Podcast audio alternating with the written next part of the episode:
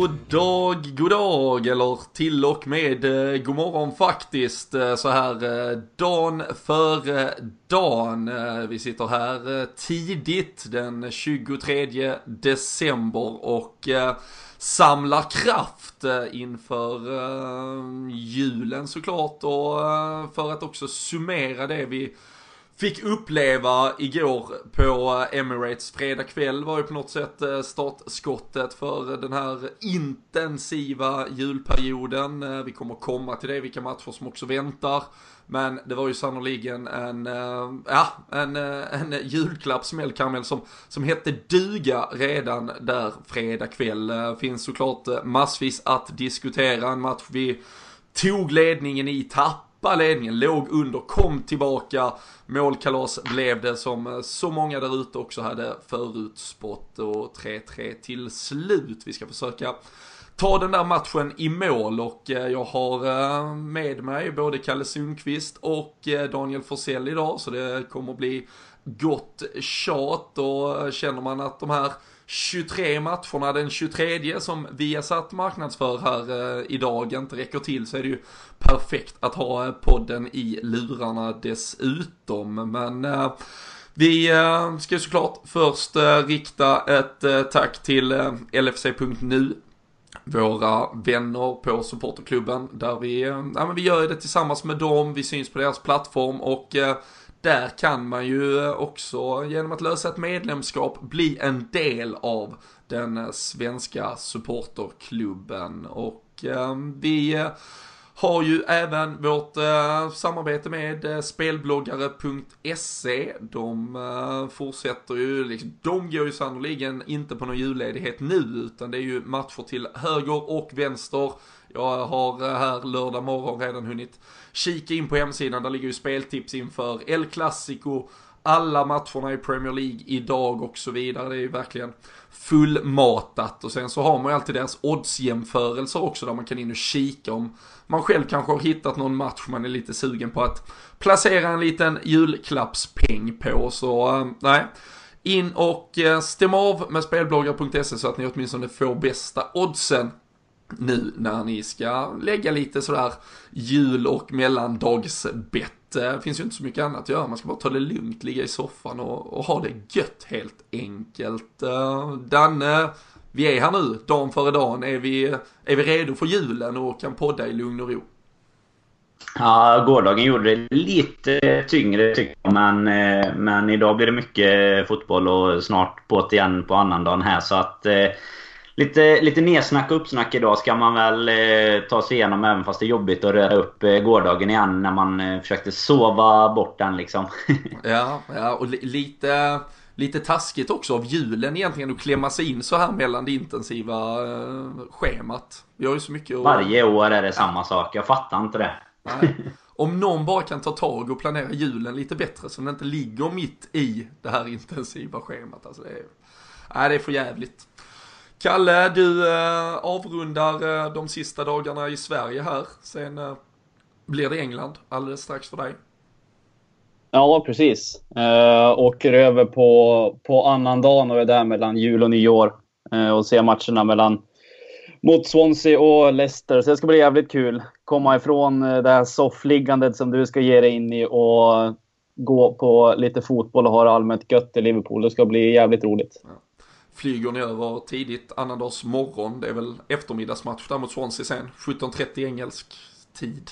Ja, precis. Vi flyger vid åtta snåret där på morgonen. Så att få en hel dag i Liverpool då också. Så att det blir, det blir nog jävligt bra. Ja, det är klockrent det är ju. Och eh, som sagt, eh, intensivt eh, spelschema går vi in i och eh, podden ska försöka vara så intensiv och tillgänglig vi bara kan. Idag eh, så kommer vi såklart prata mycket om det som hände igår i London. Ehm, ta tar tempen lite inför mötet mot Swansea. Eh, som sagt, eftersom Kalle kommer vara på plats. Eh, kryper det säkert lite extra i kroppen där och sen så gör vi ett nedslag igen där mellan Swansea och Leicester. Så vi är tillbaka igen den 27-28 december. Så rullar det på. Det kommer, vi kommer att finnas hos er helt enkelt. Så, så julen blir inte ensam för någon i alla fall. Utan vi ska hålla igång med fanan väldigt högt. Eh, men eh, som sagt, vi, vi måste ju lite så här psykologiskt eh, hjälpa varandra bearbeta det vi fick uppleva igår i London. Det var en, ja men det var ju verkligen en match som jag vet inte Danne,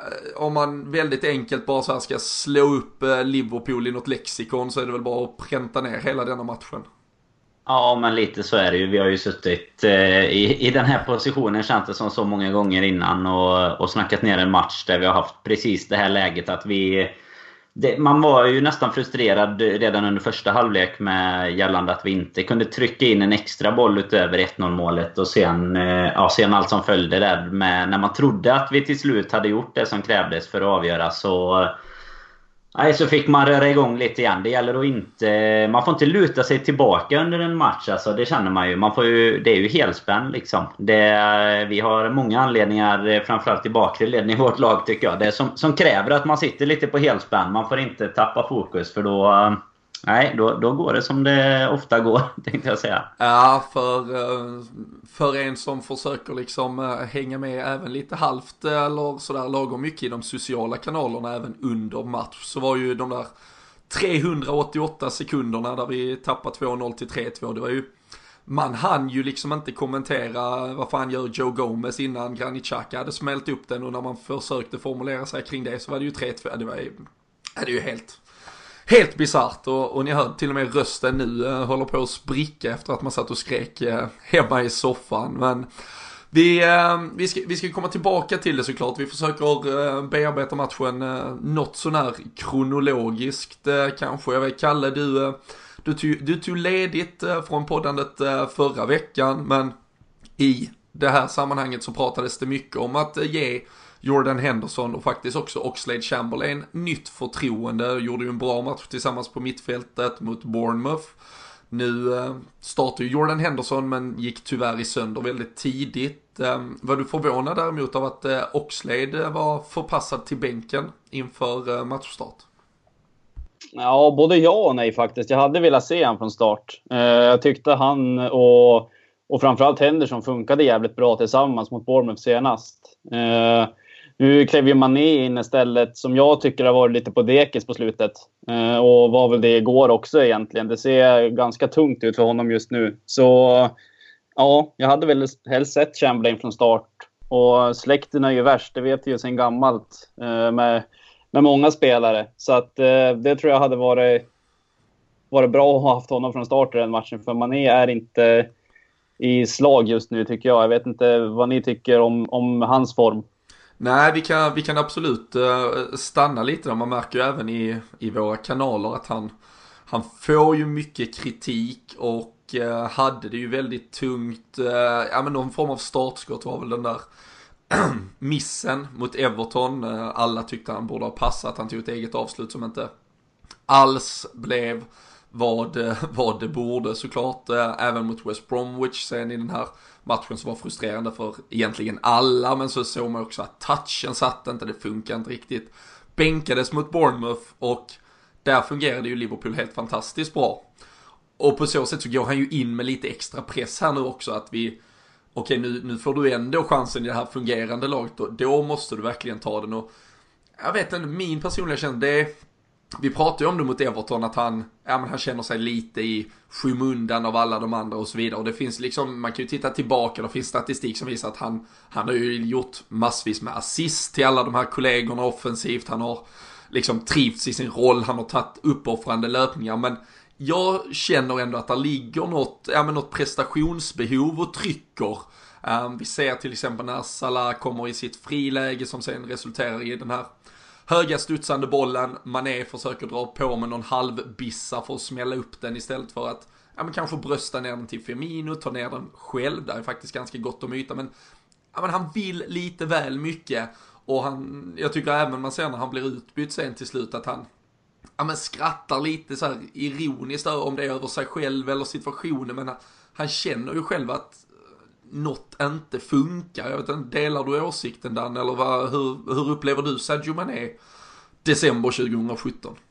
Jo, men jag, jag delar din åsikt där egentligen. Det. Jag tycker du är inne på helt rätt eh, saker. Och jag tyckte väl inte riktigt det i, i början där när det började så snackas kring detta. Utan då, då kände väl inte jag att det var så pass illa att... Eh, eller jag trodde inte att det skulle vara den här biten i att han kände sig liksom överglänst. Men jag tycker i matchen igår visar ännu mer på det att han, han känner att han måste leverera. Och nu är det väl i och för sig han som har ett, ett ganska okej läge även om han ligger lite offside kanske. Jag vet inte. Men när, när han och Salah kommer eh, fria där. Men eh, samtidigt så, så känns det som, precis som du är inne på, typiskt den här Bissa Bissa-avslutet. Att han ska göra ett drömmål i stort sett istället för att, att tänka på laget. Och sen eh, framförallt när han byttes ut så tyckte jag då blev man nästan lite förbannad att han gick och skrattade. Jag vet inte, som du säger, det kan ju varit åt sin egen insats eller att han var missnöjd liksom. Men, men sånt, äh, det, ser ju inte, det ser ju inte bra ut liksom. Det känns inte som att han är riktigt i slag. Och det, han, man vill ju gärna ha tillbaka honom i slag här nu när det är mycket matcher på gång och dessutom kommer kanske behöva roteras eh, även på, på de spelarna lite mer eh, av naturliga skäl än vad det har varit tidigare då. Mm. Så eh, nej, det delar jag absolut. Um, och annars som sagt, det var ju ett Liverpool som, uh, ja vi, vi har varit inne på det, det skapades ju chanser uppenbarligen, men uh, framförallt ett, ett Arsenal. Vi satt här för ett, ja, drygt ett halvår sedan, men sen den där första matchen mot Arsenal, jag vet du var på plats då Kalle, det var ett ganska naivt Arsenal den gången, stod väldigt högt, vi fick kontra mot dem, vi sprang i sönder dem.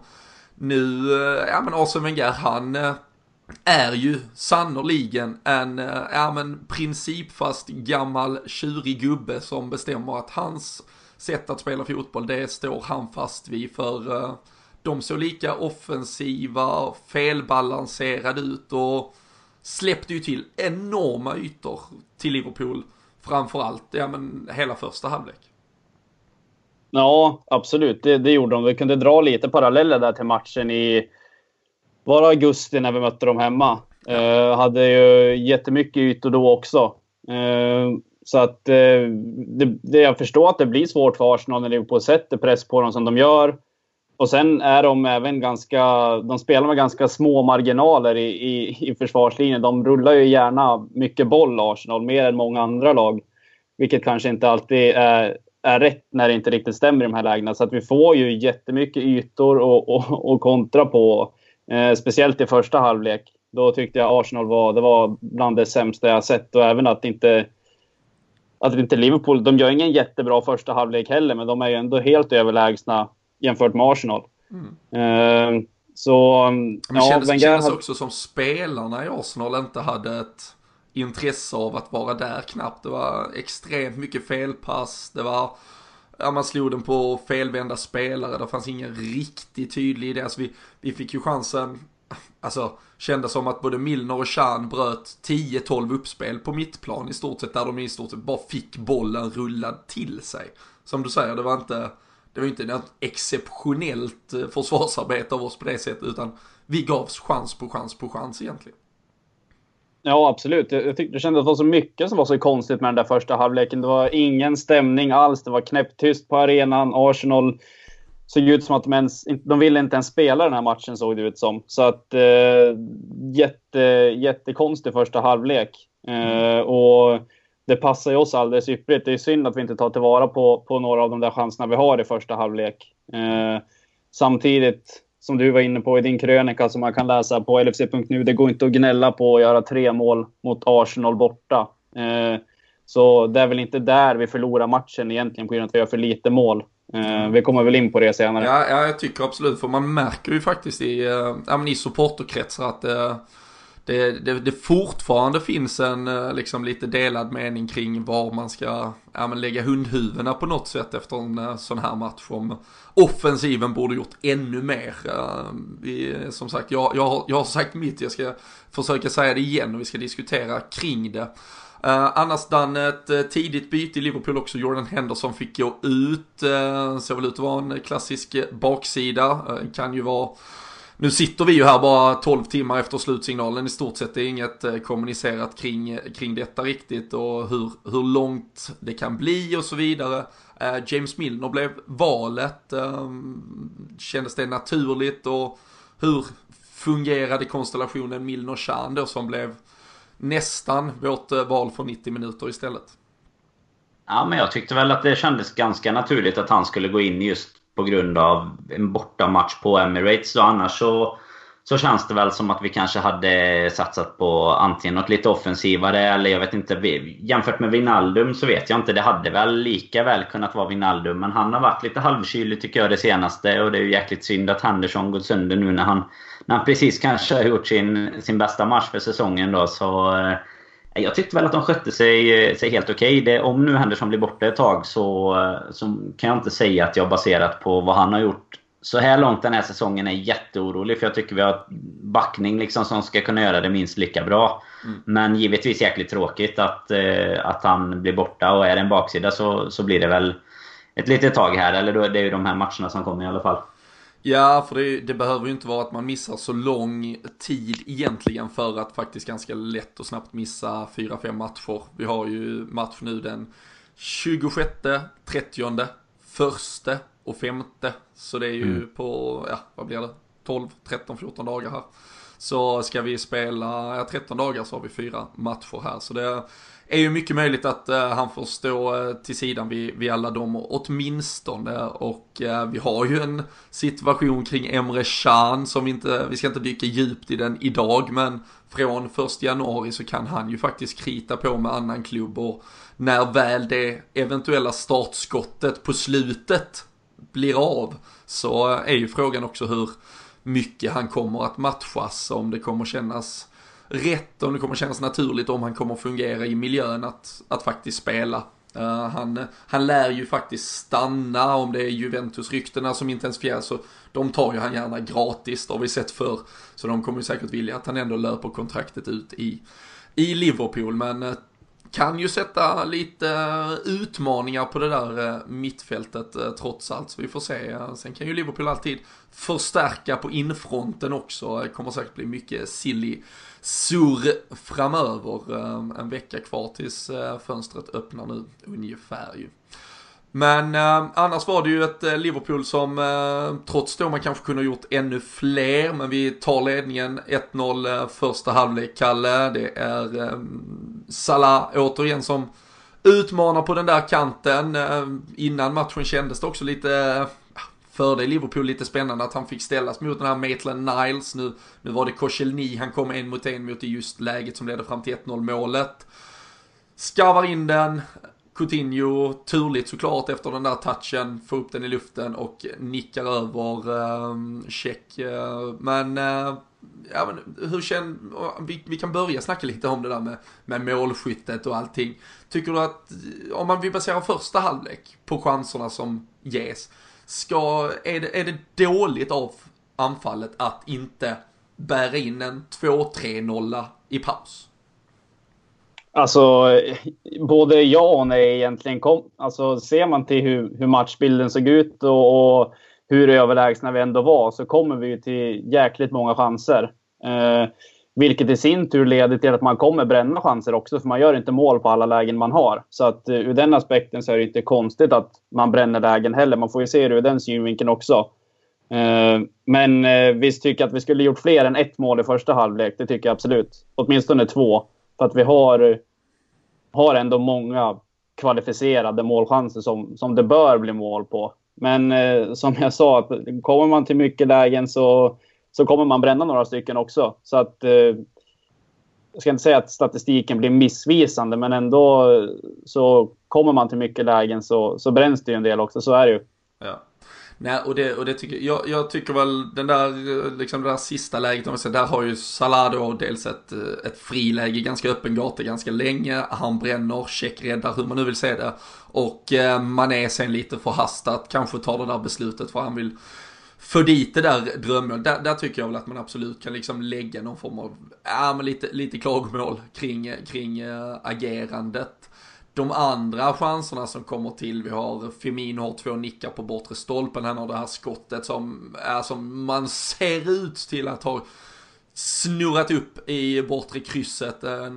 Fan, det går ju en båge exakt i höjd med liksom målet och bara slickar ner eh, och tar bakre stolpen där istället. Så nästan ut som att Firmino själv firade in målet. Men, eh, men, men samtidigt, eh, om man då bortser från det, att, att gå till pausvila 1-0 borta mot Arsenal. Eh, någonstans, jag vet inte, ska, ska man överanalysera det kring gjorda mål, missade chanser och så vidare?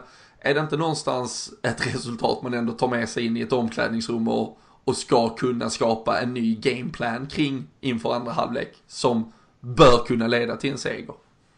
Jo, men det är ju det. Och problemet kan jag väl tycka kommer väl, kommer väl senare liksom. Man kan diskutera huruvida vi borde ha gjort fler mål eller inte. Och att vissa chanser kanske man inte borde missa, men så är det ju alltid. Och det är samma, samma bakåt liksom. I vissa mål släpper man in, vissa bör man kanske inte släppa in. Och det är väl där vårt problem ligger. För att gör man, eh, ja dels då ha med sig 1-0, men gör man liksom tre som vi har gjort i, i snitt nu i, i varje bortamatch här i ja, vad är det, 5-6 matcher liksom, så, så måste man kunna göra lika bra i andra änden för att kunna få med sig en trea tycker jag. För det, det är liksom...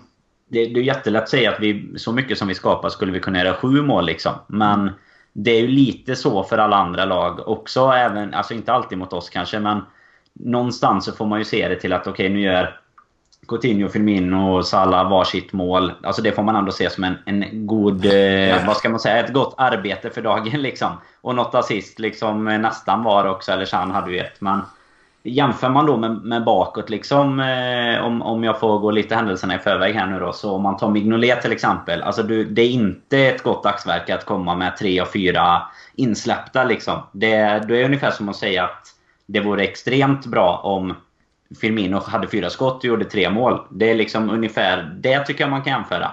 Mm. Det, är, det är liksom hans, hans jobb är att stå där och, och, ta emot de här bollarna och då måste man göra det bättre än, än tre av fyra. Som tyvärr lite har blivit ett, nästan ett eh, snitt ju, eller det är 50% eller vad han ligger på. Ja.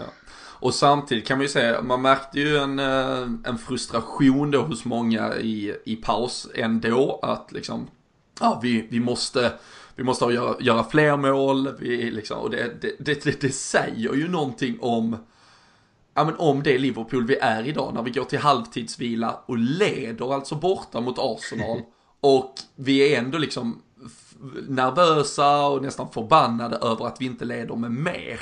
Och, och det tycker jag ju någonstans att, att den mentaliteten ens finns, den summerar ju såklart hur, ja men hur skakigt vår försvar kommer att kunna vara vissa dagar och, och råkade också så vara mot just Arsenal lite senare.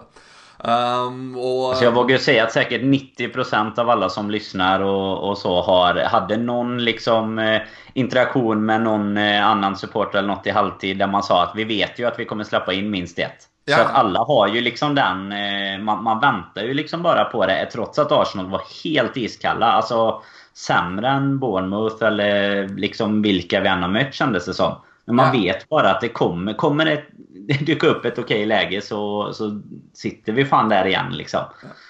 Och det som, eh, för jag hade ganska många som skrev till mig också, jag kan tänka mig fredag kväll, det var nog många liksom goa grabbgäng som hade samlat och tjejer för den delen såklart. Eh, som satt framför eh, tv-apparaterna och ja, men tog ett par bärs, hade det gött. och det var många som skrev att ja, men just i deras soffor också så surrades de att ja, men det här kommer bli ett Everton all over liksom. Vi var överlägsna, vi var bäst, men fan, vi skulle ju gjort ett mål till redan i första, stängt butiken. Det som däremot blir en jävla skillnad här, det är ju faktiskt att vi går rakt in i andra halvlek och smack boom sätter 2-0.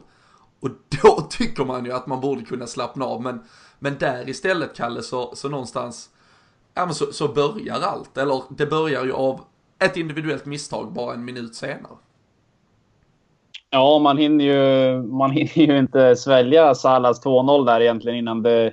Och jag hann nästan inte reagera på att, eh, på att det blev 2-1. Uh, för så tätt inpå var det. Och nu ska ju alla, om alla tänker, du är ju från Norrland då också, måste vi ju, alltså det tar ju lite tid med reaktionen ja, men, ja men det gör ju det och, och sändningarna är lite efter och det... Ja, ni ligger på någon tung lina där. Ja. Nej, men det, det, är ju ett misstag från, från Joe Gomez, helt klart. Uh, det är väl egentligen efter 2-1 målet som man börjar oroa sig, för då ser man ändå att Liverpool försöker börja kontrollera lite grann, stänga till det lite defensivt och försöka hålla igen det några minuter. Eh, och det öppnar ju upp för Arsenal egentligen. Det är ju så de vill ha det. De är ju, det är det som kan skilja oss och Arsenal lite grann. Att de kan ju rulla runt boll på handbollsmaner egentligen utanför ett straffområde och, och lyckas hitta instick och göra, komma till lägen. Det öppnar ju även upp för, för skottchanser som, som Xhaka smäller dit och mm, jag vet inte vad Mignolet gör där om man har smörjt in nävarna med någonting i halvtid. Men bedrövligt är det i alla fall. Inte fan var det spissvärta i alla fall på de nävarna. Nej, det var nog, eh, jag vet inte fan vad det var, såpa eller någonting. Ja. det blir ju ett sånt jäkla problem tycker jag när det 2-1 målet kommer. Om man jämför med när vi hade ledningen med 1-0 så är fortfarande Arsenal liksom... Eh, de är ju uttråkade och kändes inte som de spelade alls för varandra. Men så fort 2-1 kom istället, liksom när de får lite medgång, då kom ju även publiken igång. Det var typ första gången man insåg att matchen inte spelades inför tomma läktare där på Emirates ungefär. Och då är plötsligt så börjar det ju lite och, och, det är klart att det ger dem lite extra kraft och de känner att fan vi, vi kunde ju göra mål trots att vi är, är urusla liksom. Och, och det är klart då, då fortsätter de att försöka och så ger det jäkligt snabba resultat sen. Lite för snabba såklart. Men eh, det, är ju, det var en jäkla skillnad på den, det tempot de ville diktera. Eller helt plötsligt ville de ta lite tag i taktpinnen medan vi egentligen hade fått gå runt med bollen som vi, som vi ville. Och de slängde bort bollar till höger och vänster egentligen under de första 50 minuterna. Liksom. Så det, det gör ju så jäkla mycket psykologiskt med ja. att, det är, att de får det målet. Jag tänkte vi ska, vi ska stanna vid ett par punkter kring alla de här målen. För som sagt, alltså från 2-0 till att det blir 3-2, det, det, tar alltså 388 sekunder. Det, alltså det, det, det, rullar på väldigt snabbt, man hinner ju i stort sett inte med. Uh, men uh, först och främst, uh, alltså deras 2-1 mål vi kan ju alla konstatera att om Joe Gomez hade hetat Dejan Lovren, då hade han ju hängt i en flaggstång idag. Men hur, alltså, det där kan vara den individuellt sämsta försvarsinsats jag har sett den här säsongen. Uh, vad, vad, gör, vad gör Karl? Alltså, han backar under, han har till och med, han har ju kollat upp och sett att han har Alexis mm. ovanför sig, ja, tre sekunder tidigare. Och sen så väljer han att backa undan för att försöka, jag vet inte, ska han halvbissa bort den liksom? Det, alltså det får ju inte ske på denna nivån. Och jag vet inte om det är såklart, alltså kommunikationsbiten, om, om ingen annan är uppmärksam på det heller, men men Joe Gomez måste någonstans, där måste han ju bära liksom ett individuellt jävla hundhuvud för den insatsen. Ja, det kan ju ingen annan ta på sig som du säger oavsett kommunikation eller vad det kan vara. Men han, man ser ju tydligt på, på repris till exempel att han har tittat upp innan. Men oavsett om han vet att han har någon bakom eller inte så måste man ju bara få iväg den. Man kan inte vänta på att den ska dimpa ner liksom som han egentligen ser ut att göra. Precis som du alltså, säger. Du måste ju ut och ladda. Boll. Du måste ju ja, han ser ut som han laddar för någon sorts eh, halvbiss eller något. Eller om det är kanske att foten kommer upp i ett läge där han ser att shit också nu kom det en kille här när Alexis kom fram där. Men, men där måste du bara fram och nicka bort den liksom. Det, det, du ska gå mot boll precis som du är inne på. Inte vänta ut den. Det är ju det är 110% hans eh, mål liksom. Det är inget snack. Mm. Grejen man ser ju också till alltså, Lovren på hans eh, gestikulering efter målet. Till och med han tycker att det är dåligt försvarsspel och då, det säger väl en del om hur jävla dåligt det är. till och med Lovren har hunnit analysera detta och konstatera att det här var fan inte bra alltså. Nej, um, och det, det, ska vi ju faktiskt, jag tycker fan att vi, vi ändå slinker in med det för att uh, prestationsmässigt just igår måste man ju ge DN Lovren och uh, Ragnar Klavan uh, faktiskt ett, uh, ja, men ett fullgodkänt betyg och det och det, när vi summerar detta om en liten stund, tycker jag ändå också symboliserar det ännu mer att vi kan faktiskt göra solida insatser i, i helhet. Men det fallerar så jävla mycket på det individuella planet. Och lika mycket som jag faktiskt, ja men jag med glädje kan ge Dejan Lovren och Ragnar Klavan beröm för deras insats just igår, så är jag lika övertygad om att det mycket väl kan vara Dejan Lovren eller Ragnar Klavan som mot Swansea eller Leicester eller längre fram kan ge bort exakt samma mål. För där ligger ett, ja men en misstagsbenägenhet som någon jävla, ja men som en jävla blöt filt över hela det här försvarsspelet tyvärr. För... Det är ju tyvärr det enda Klopp får prata om efter matcherna nästan känns det som. Det är ja. ju individuella misstag. För det är som du är inne på, vi, vi kollektivt så gör vi ju ändå bra ofta bra försvarsinsatser eller vad man ska säga. Och så tycker man att hur fan lyckades vi släppa in tre baljor med... När, när vi egentligen inte gjorde liksom några, några misstag som lag om man säger så. Men så kommer det de här, typ som Gomes här nu då. Alltså bara hjärnsläppen som som gör att vi, vi sitter där vi gör egentligen då. Ja. Och jag tycker faktiskt, eh, för något vi har pratat mycket om i den här podden förr, det har ju varit att när just ett mål kommer, då, då står vi och är helt förbryllade i de närmsta 5, 10, 15, 20 minuterna och vet inte vad vi ska göra och så, och så bara rinner det på och blir mål. Men du nämner det lite där när jag tycker att faktiskt, jag tyckte James Milner också, om vi, vi har pratat mycket kaptenskap, jag tycker att James Milner på något sätt ändå är lite längre fram i ett kaptenskap än Jordan Henderson och att han någonstans dikterar lite i, i det här Liverpool att de nu blev det kanske fel, men vi gjorde faktiskt något ganska snabbt vid två att vi ställde oss, vi tog det lite lugnt, vi försökte samla oss. Tyvärr nu så bjuder det ju in till då Chakas yta som blir ett skott och han får en bra träff och Mignolet klabbar till det liksom. Det, det må så vara, men vi, vi har ändå grundtanken att vi ska stänga det lite. Kanske få andas i tio minuter för att återgå till det normala därefter. Och, och, och det blir, men som sagt, alltså, så kollektivt, jag tycker faktiskt att Jörgen Klopp, han har fått mycket kritik för försvarsspel under lång tid. Han är absolut långt ifrån att vara fläckfri där. Framförallt så, så bygger han ju en offensiv, det är prioriterat och den, den är ju nu också helt jävla fantastiskt bra. Men så länge som sagt vi har kvar den typ av spelare som, som har de här misstagen i sig. Eh, jag tycker ju ändå till syvende och sist 2-2 målet är ett misstag av Mignolet. Du, du måste få undan den bollen. Alltså Mignolet nuddar i stort sett Det är klart det är ett bra jävla skott. Xhaka har en slägga men du, du måste liksom få någon form av träff med, om det är med liksom bara försöka buxa iväg skiten eller vad som helst. Och eh, tycker även att han vid 3-2 målet, eh, Özil gör det såklart jättebra, kommer igenom. Men eh, han, han, slänger ju sig på ett sätt så att han egentligen bara skickar sig själv bort från målet och så är det för Özil och patenterat. Studsa ner den i marken, över Mignolet, in i bortre. Jäkligt, jäkligt enkelt och det... Och det, och det som du säger, Klopp får stå och försvaras efteråt. Det han ska försvara tycker jag nu och framförallt när vi går in i ett januari och blickar vi ännu längre fram till ett sommarfönster. Det är ifall han väljer att ha fortsatt förtroende för de här spelarna. För jag tycker att kollektivt så börjar mycket se väldigt bra ut. Men har vi kvar Simon Mignolet eller för den sakens skull Loris Karius som målvakt. Har vi kvar den backlinje vi har till mångt och mycket så, så kommer detta Liverpool alltid ha två, två, två tre insläppta mål i sig. Um, jag vet inte hur ni men jag, jag, tycker ändå att det här kollektivet, det här taktiska, att vi börjar och att vi faktiskt också försökte förändra saker redan efter 2-1.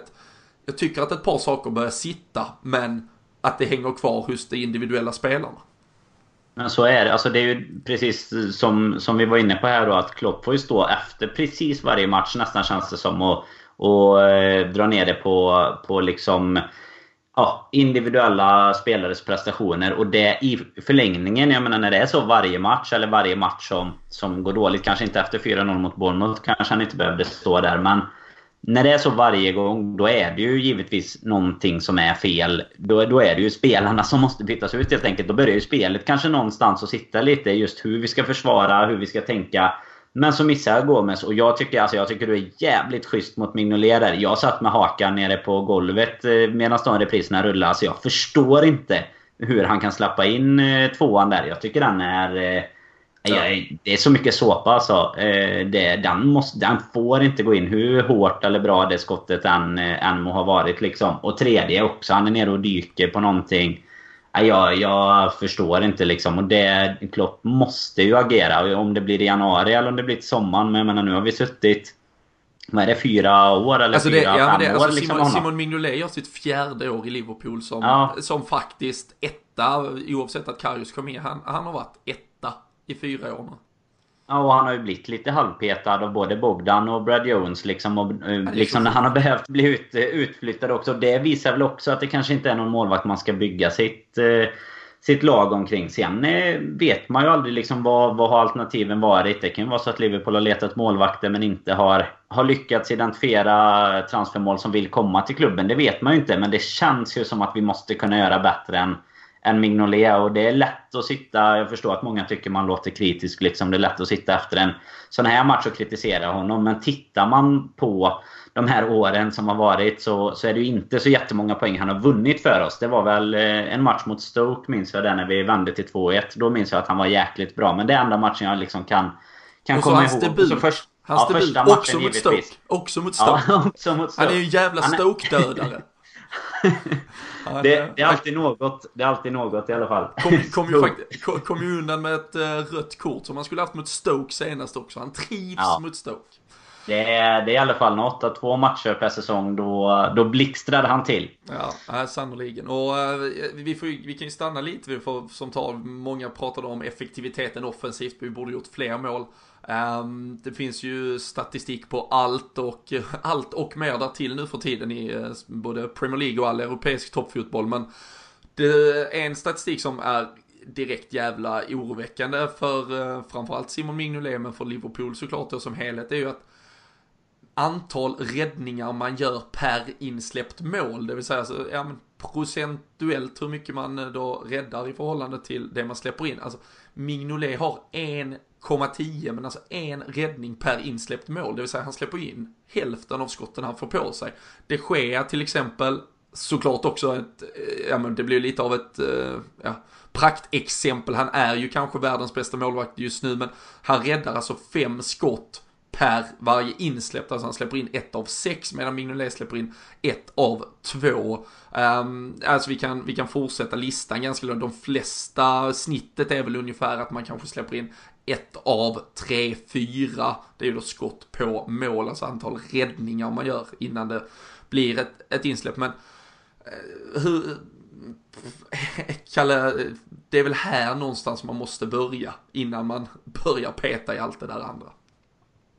Ja, det tycker jag. jag eh, på tal om det ni pratade om tidigare så är väl jag helt enig också. Jag har väl mer eller mindre aldrig haft något förtroende för Mignolet. Förutom, han är en bra målvakt på straffar och han är en bra målvakt på linjen. Men mer än så är han inte. Allt annat tycker jag han är rent av dålig på. Han lyckas ju nästan ramla in en boll igår också när, när Özil får någon form av snedträff på ett inlägg där. Ja, det hade ju varit så jävla summerande. Och även Sanchez hade ju något skott där han är på väg och hoppar åt fel håll liksom. Där han lägger den på första som också hade varit eh, pinsamt och, och fått emot sig. Ja, ja när han försöker göra typ samma en, position. en Aurelio mot eh, Chelsea. Ja. den här frisparksvarianten han gjorde mot Tjeck när han eh, bara skjuter något lite halvstudsande löst skit mot första stolpen. Ja, ja det... den är ju jättenära på att gå in först och sen är den jättenära att han släpper en retur på den också. Ja, ja. ja han släpper ju en retur, fumlar lite på den. Så. Ja. Fantastiskt. Vi måste, ju, vi måste ju lägga till där bara, nu, nu kanske jag avbröt eh, det är lite där Kalle, men det är ju också det som är allra mest skrämmande med den statistiken du lyfter Robin, det är ju att han är sämst i ligan med de 1,10. Ja. Det är ju också något, något intressant att ta med sig, eller av, av startspelarna om man säger så, eller av startande målvakt i alla fall. Mm. Så det, det är lite skrämmande. Ja. Så, eh, och det, det, är ju beroende på, det är ju alltid med det här med statistik och så, vad de räknar då som skott och så vidare. Det där Özil-inlägget räknades väl då inte som ett skott, men han säger Eh, Sanchez då skottar, så det är tre av fyra skott på mål eh, släppte han ju in i, igår. Och eh, fyra av fem skott på mål mot Tottenham till exempel. Alltså det här är ju matcher, det är ju de här matcherna man vill att målvakten ska kliva fram det är ju inte att han kanske plockar en balja, liksom, alltså håller ett skott mot Bournemouth. Det, det är fine, det är ju skitbra om man kan göra det. Men det är ju de här matcherna man måste ha en mål som går in och vinner. Man, kan, man kommer ju släppa till chanser. Det är ju det är helt omöjligt egentligen. Alltså det skulle vara nästan förnedrande mot så här bra lag att inte släppa till en, ett skott på mål. Då måste man ju ha en målvakt, Kalle, som, ja, men som tar åtminstone ett par av de här. Liksom. Tar han bara hälften så vinner vi ju matchen. Ja, precis. Och den statistiken du lyfte där, släppa in eh, egentligen varannat mål som man får, som man får, får skott på mål. Det är ju det är bedrövligt. En 50 i målvakt är ingenting man kan ha om man vill slåss om Champions League-platser. Där vi slåss om nu. Eh, och ingenting annat egentligen. Eh, så många gånger tycker jag att Mignolet har fått... Eh, han har blivit lidande av ett dåligt försvarsspel. Eh, men på senaste tiden tycker jag ändå, det ser man ju statistik på att vi har ju Alltså def, rent defensivt har vi varit rätt hyfsade den här säsongen får man ändå säga. Trots att det har blivit liksom... Ja, att individuella misstag har tagit över det försvarsspel som vi ändå har haft vissa matcher.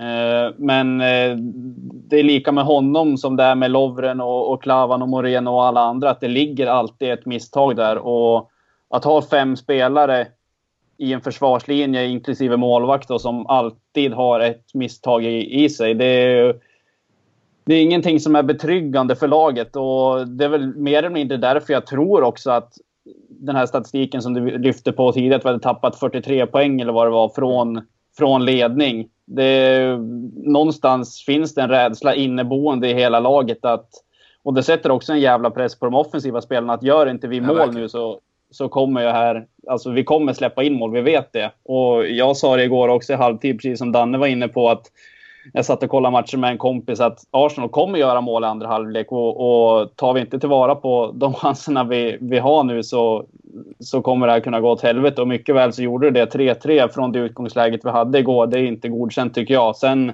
om folk tycker att 3-3 på Emirates i en fröjdig match är, är bra, fine, då får de tycka det. Men jag tycker att det är alldeles för dåligt. Mm. Ja, men det är ju lätt att säga att det på förhand är bra. Liksom. Alltså på förhand hade jag, hade jag tagit det. Men man får ju faktiskt titta med facit i hand. Hur såg, hur såg matchen ut liksom och, och vad den utvecklades till? Och jag menar, då, det är väl där det blir den här kritiken kan jag tänka mig mot vår offensiv. Att man känner att Alltså man vet som sagt att vi kommer eh, ha ett eller två mål bakåt. Eh, lite ligger och, och tickar hela tiden nästan. Och då, då blir man extra frustrerad när inte de här chanserna som man vet så eh, mycket behövs. När de inte sitter i första till exempel då. Ja, och jag tycker man, ska, man kan... Man ska, ja. man ska ju egentligen kunna sitta och man ska kunna sitta och njuta av att fan vi skapar sju frilägen. Visst vi gör bara två där efter 53 mm. minuter. Men alltså man ska ju inte behöva göra, alltså man ska ju sitta och bara wow, vi bara pumpar det kommer ju bli, så länge, vi kommer ju inte släppa in mål här så det kommer ju bli 3 och 4, alltså så hade ju de flesta känt som var så överlägsna. Men, men istället så plötsligt så har vi tre insläppta i en match där vi inte har släppt till en enda målchans på 53 minuter. Och det, det är ju, ja men säreget för ett så pass bra lag som vi ändå är. Alltså, vi är ju ett lag som är vidare i Champions League. Vi är så sett ett av Europas 16 bästa. Vi ligger i toppen av Premier League. Och och det gör ju nästan, just nu gör ju det det nästan ännu mer frustrerande känner jag. Alltså vi har ju en offensiv, det skrev vi också i vår krönika, alltså, eller i min krönika här på LFC.nu, att ja men det är ju Barcelona i stort, det är PSG, det är alltså ett par lag i Europa som ens kan mäta sig med den offensiv vi har idag. Och ändå så är det diskussion om vi ens kommer att klara en Champions League-plats. Och det är ju för att vår lägsta nivå, framförallt i försvaret, är, ja men är så extremt låg som den är vi har de här alltså, individuella misstagen som ligger och liksom alltid hägrar. Um, på tal om det här med liksom tappade poäng, bara summerar vi senaste månaden i stort sett så har vi då tappat mot Sevilla 3-0 till 3-3, Chelsea 1-0 till 1-1, Everton 1-0 till 1-1, igår 2-0 till vad som då blev 3-3 till slut. Uh, dels är det ju många poäng, sen egentligen alla matcher som du var inne på den på förhand. Ja, men kanske helt okej okay resultat. Eh, liksom, poängutdelningen är inte katastrof. Det är Chelsea, det är Sevilla borta. Det är ett derby, allt kan hända. Men det är ju egentligen mot Sevilla. Alberto Moreno går bort sig två gånger. Chelsea, Mignolet bör kanske få undan Viljans inlägg mot Everton. Dejan Lovren kommer i en situation som orsakar en straff. Nu var det kanske tillbaka på eh, Joe Gomez visserligen brukar inte vara den som ställer till det. Mignolet högst bidragande han med. Det går ju runt på ett visst antal spel. Därför kanske också folk känner att ja ah, men Mignolet har ju varit skitbra nu i fem veckor. Ja, för då så har de andra varit inne med sina misstag och så var det hans tur igen och sådär. Så det, det går ju en jävla ond spiral med de här individuella misstagen. Ja, och det som fortfarande gör att man sitter och, och liksom är så jäkla frustrerad på det här tror jag är att vi, vi pratade om det här för någon månad sedan. Jag tror det var i början och jag kommer inte ihåg vilken av, av de här matcherna det var efter. Men det är fortfarande så att vi inte har ett enda kryss som man känner är, är ett sånt där vi har kommit ikapp och känner att fan vad gött vi kämpar oss till en pinne liksom. Utan det är fortfarande så att det känns som varje kryss har vi tappat två egentligen. Och det är tufft och är väl skönt att kunna säga det efter en bortamatch på Emirates liksom på ett sätt att det, det, visar ju ändå att vi har kommit någonstans. Men det är ju fortfarande det ni är inne på där att det är jävligt tungt att det ska bero på individuella misstag som faktiskt går runt på några spelare. Det, det kan man ju inte sticka under stol med. Och som du är inne på, vi kan hålla 5-0 på rad. Men är det sen en avgörande eh, avgörande misstag från Mignolet som leder till någonting. Då, då kan det bero på att då vi inte lyckats framåt i dem. Alltså 0-0 match mot West Bromwich till exempel. Och kommer det då en tabbe efter det, då, vi, vi hamnar ju så pass långt efter och det har man ju inte råd med tyvärr i varken Champions League eller Premier League. Äh, framförallt ska vi in i sådana här dubbelmöten nu i Champions League. Råkar det vara att eh, misstagen kommer borta mot Porto och det står 2-0 i paus där liksom. Äh, då, då blir det ganska, då blir det en ganska tråkig föreställning antagligen. Vi, vi har fått en fråga här också Kalle, på tal om ämnet egentligen. Eh, Alex Olofsson frågar hur, eh, hur länge tror ni det tar innan Fab 4 tröttnar lite på detta, söker sig vidare om vi inte liksom värvar målvakt och försvarare. Eh, uh, Filip Coutinhos situation känner vi till, men Alex är inne på att Salas frustration vid de här insläppta skitmålen, den är uppenbar och han visar det väldigt tydligt. Uh, det är ju inte många starka försvarsspelare som har lämnat Liverpool de senaste 5-6 åren, utan det har ju varit en, två offensiva stjärnor varje år, varje år, varje år. Ja, så är det ju. Eh, och den första ut i det där ledet är väl Coutinho. Lämnar han inte nu i januari så kommer han ju göra det till sommaren. Så enkelt är det ju. Mm. De andra tre egentligen, Salah, Firmino och Mané, är jag inte speciellt oroliga för. De sitter kanske i en lite annorlunda kontraktssituation än vad Coutinho gör. Eh, så de, de tre är jag väl inte oroliga, oro för egentligen.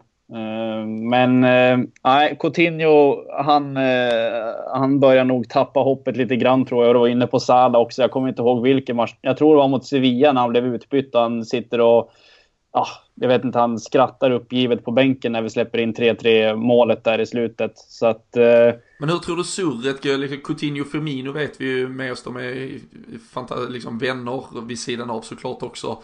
Uh, det här blir ju återkommande. Vi, skulle vi missa Champions League precis, vi skulle vi åka ut i åttonde. Vi, vi ska avsluta detta klart mycket positivare än så, det lovar jag er. Men det, det blir ju ändå lite där, vad fan ska du verkligen, ska du ge detta?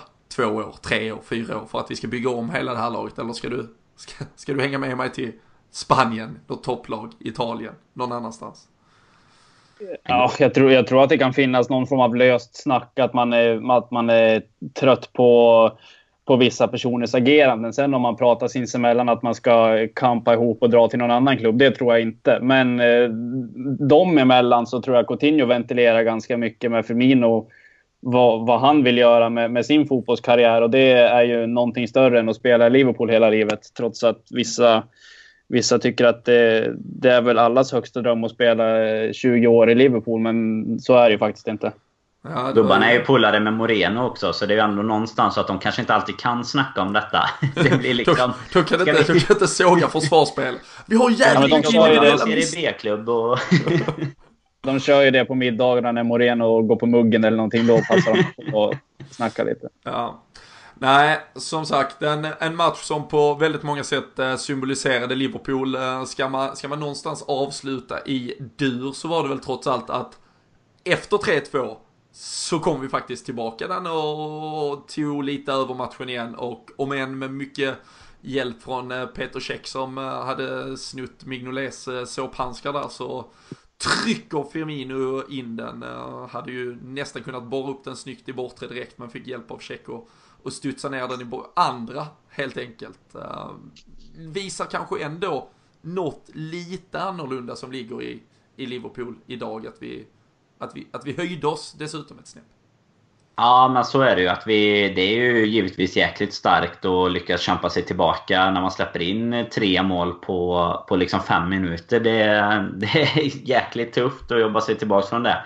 Om inte annat fick man reda på det av Pontus Kåmark som eh, berättade alla olika sporter där det är tufft att jobba sig tillbaka i, i livesändningen igår ju. Men det... Nej, det jag vet inte. Det, det, är klart att det är bra att jobba sig tillbaka. Men jag tycker också Arsenal lite bjöd in till det. De slår ju av på takten igen ungefär på samma sätt som de gjorde i början tycker jag. Så att eh, givetvis jättestarkt och, eh, och bra att vi gör det. Men jag tycker eh, försvarsspelet... Eh, om vi tycker att vårat var illa så är ju deras... Alltså att Firmino ens får stå helt ensam där.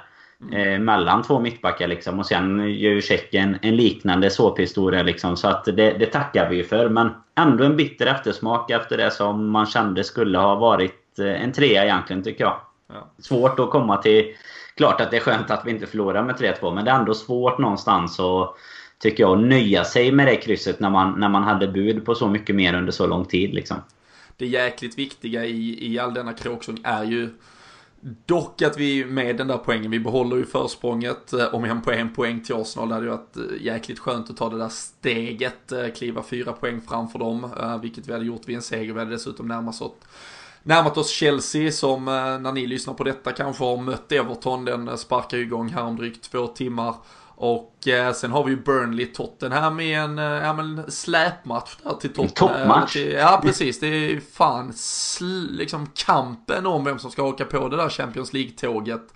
Eh, 18.30 är ju det avspark här eh, lördagen den 23. Så, så det var ju, vi kommer ju, där kommer ju någon uppenbarligen tappa poäng också. Vi kommer ju behålla att vi är på den där fjärdeplatsen men det kommer ju samtidigt, alltså nu, nu ökar ju däremot gapet, troligtvis kanske mot Chelsea, mot United och så vidare. Så det mynnar ju mer och mer ut i en liksom tydlig kamp om just fjärdeplatsen. Där det kommer handla om att hålla Arsenal och eh, Tottenham bakom sig. Eh, baserat lite, Kalle, på det vi fick se av Liverpool och Arsenal igår. Det vi har sett av Tottenham den senaste tiden. Burnley eh, kommer ju det, fan det har ju gått halva säsongen.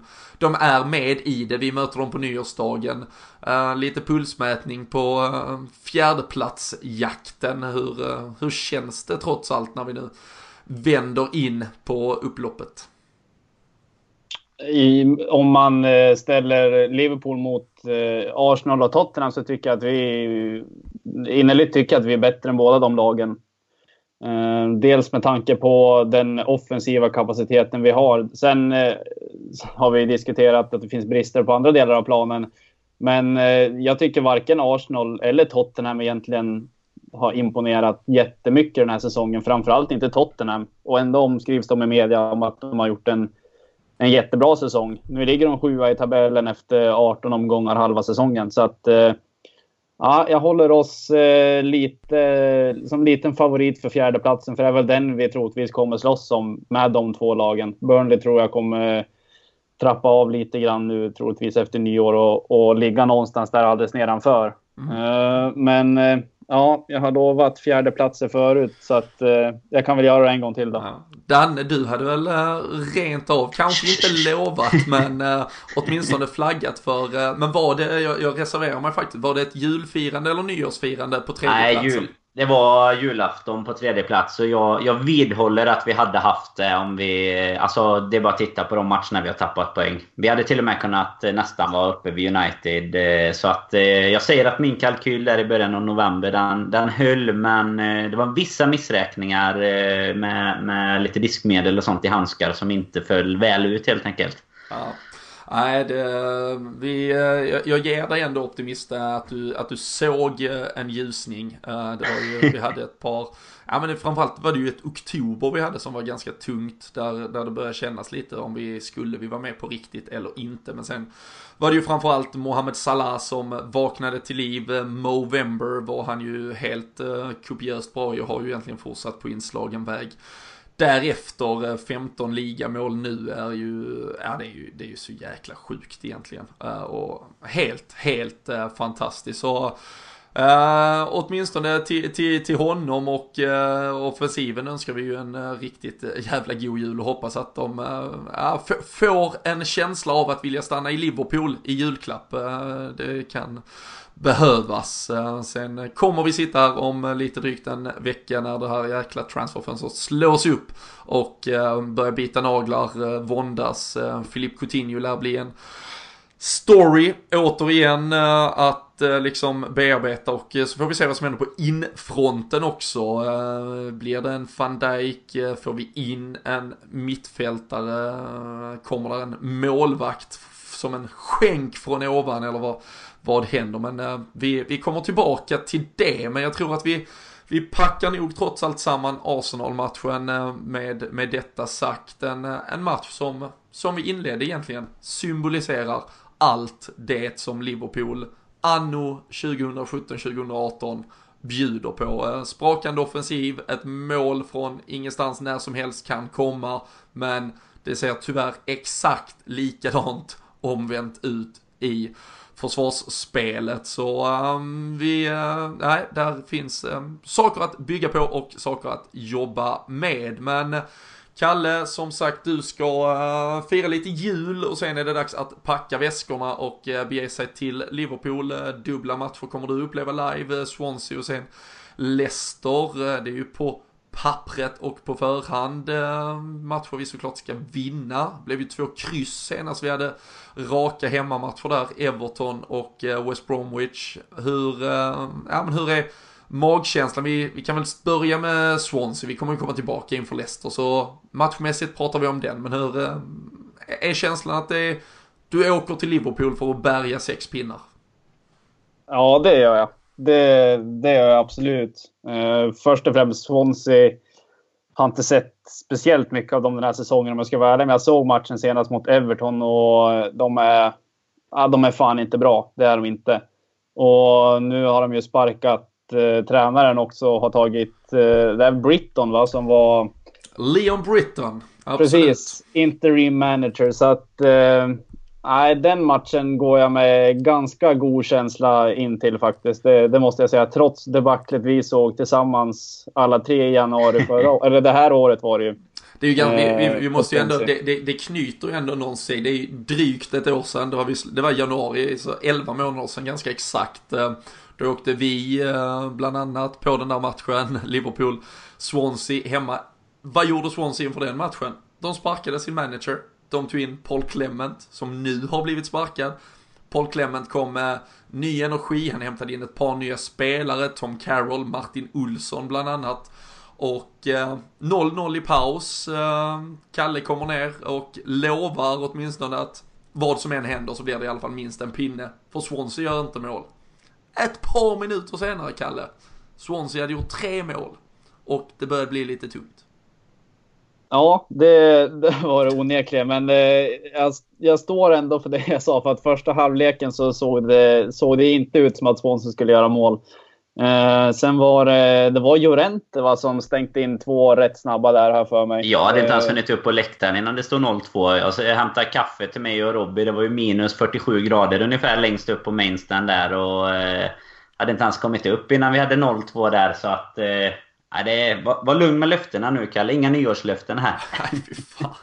Nej. Det blir ingenting av några nyårslöften ändå. Man lovar så jävla mycket men det blir fan ingenting gjort. Men äh, jag tycker också det, det symboliserar ju tyvärr någonting också som Swansea har blivit. Det, vi, vi minns ju såklart glansdagarna från det som vi hämtade Brendan Rodgers, vi hämtade Joe Allen också. Äh, men Swansea kom ju upp som liksom ett spelande lag, lite en fröjd för ögat. De ville, ja men, ja men någon tro på någon ny form av fotboll i stort sett. Nu har de avverkat fyra, de är inne på sin fjärde manager som starten av förra säsongen.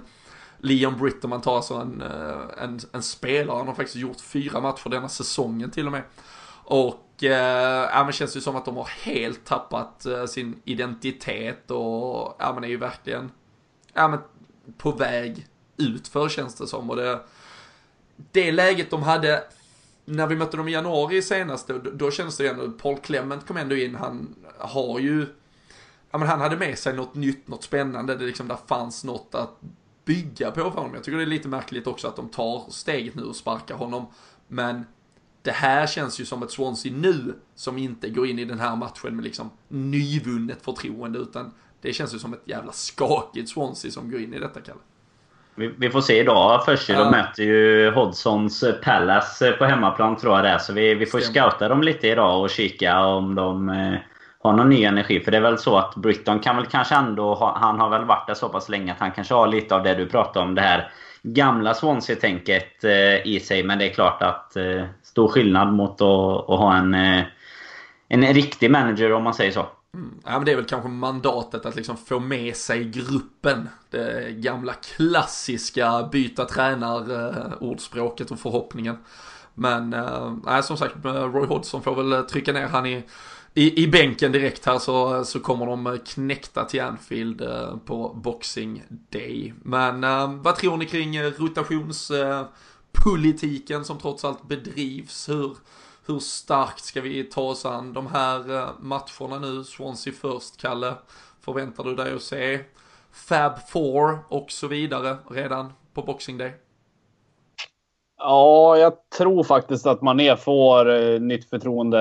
Eh, nu, nu blir väl Henderson troligtvis borta över den här perioden som, som vi pratade lite grann om i början. Eh, det skulle vara kul att se Chamberlain på en mittfältsposition som han eh, så länge har velat spela på. Eh, nu var visserligen Klopp ute efter Bournemouth-matchen och sa att Chamberlain är mer en anfallare än en mittfältare. Så att eh, han saknar väl lite av den här eh, defensiva disciplinen. Men jag tycker ändå mot ett sånt lag som Swansea så ska vi ändå ha tillräckligt mycket boll. Eh, nu visade ni statistik på det i förra avsnittet att det inte brukar gå så väl ut. Men det skulle vara kul att se honom i en position där tillsammans med kanske Chan på, på, på ett mittfält och Coutinho, eller att Chan spelar en defensiv roll och Coutinho och Chamberlain lite framför. Det skulle vara kul att se. Sen, eh, sen vet jag inte om det blir så. Är det dags för Adam Lallana kanske att starta en match där? Eh, prestationsmässigt så kan det säkert vara det, men frågan är hur hans eh, fitness är. Men det, vi har ju en, vi har en bra trupp för, rustade för de här matcherna nu. För nu kommer det ju krävas rotation. Eh, om inte redan mot eh, Swansea så därefter när vi, när vi har två matcher på tre dagar egentligen så kommer vi ju behöva behöva rotera lite och då är det ju skönt att ha Lallana och Slade som från igår Och Solanke kanske delvis men istället för att sitta med, med våra gamla Kevin Stewart och, och de gubbarna. Så att eh, jag tycker ändå vi är rustade för en sån här eh, grej. Jag, jag, tror väl att vi får se lite redan inför Swansea faktiskt. Jag tror säkert att Oxlade kan vara, vara tillbaks faktiskt. Eh, och inte liksom som ett direkt byte mot Henderson utan lite in, inroterad om man säger så då. Så eh, nej, vi får se här. Hade varit gott om vi hade haft Connor Randall kvar och kunde byta ut Joe Gomez efter hjärnsläppet äh, här mot oss. Vi har ju Flanagan. Ja, precis. Absolut. Uh, jävla bra uh, clownperuk han körde på julfesten senast också. Det ska han ha. Där är han nog en av de hetaste i truppen kan jag tänka mig när det kommer till, till julfestande och, och dylikt. Ja, Flanagan-familjen där, Flanagan Group, äger ju dessutom de flesta av uteställena i Liverpool. Så um, om det nu skulle behövas eh, hjälp att kliva in på nattklubbarna för en hel Liverpool-trupp, vilket det kanske i och för sig inte behövs, så, så fyller han ju sin funktion där i alla fall. Ehm, I övrigt vet jag inte exakt vilka funktioner han följer eh, eller fyller. så Kommer väl också vara eh, ett av många namn på kanske tapeten för ett utlån. League, League One eller något känns aktuellt i, eh, i januari. Men eh, det, det återkommer vi också till. Äh, jag, jag är väl, delar väl ändå er, er mening någonstans att jag, jag, jag tror, tycker och hoppas att vi ändå försöker liksom spela Swansea av banan ganska snabbt. Att vi går in med ett offensivt starkt lag. Det är trots allt, nu fick vi ju spela fredagen här så vi har ju lördag, söndag, måndag till att vila och så spelar vi tisdag eftermiddag. Eh, det är ju snarare sen Leicester som kommer den 30 och Burnley borta den första. Där måste man ju nog göra någonting för att liksom, där, där kommer det nog behövas både fem och sex byten kanske. Det kommer bli extremt tajt och tufft annars.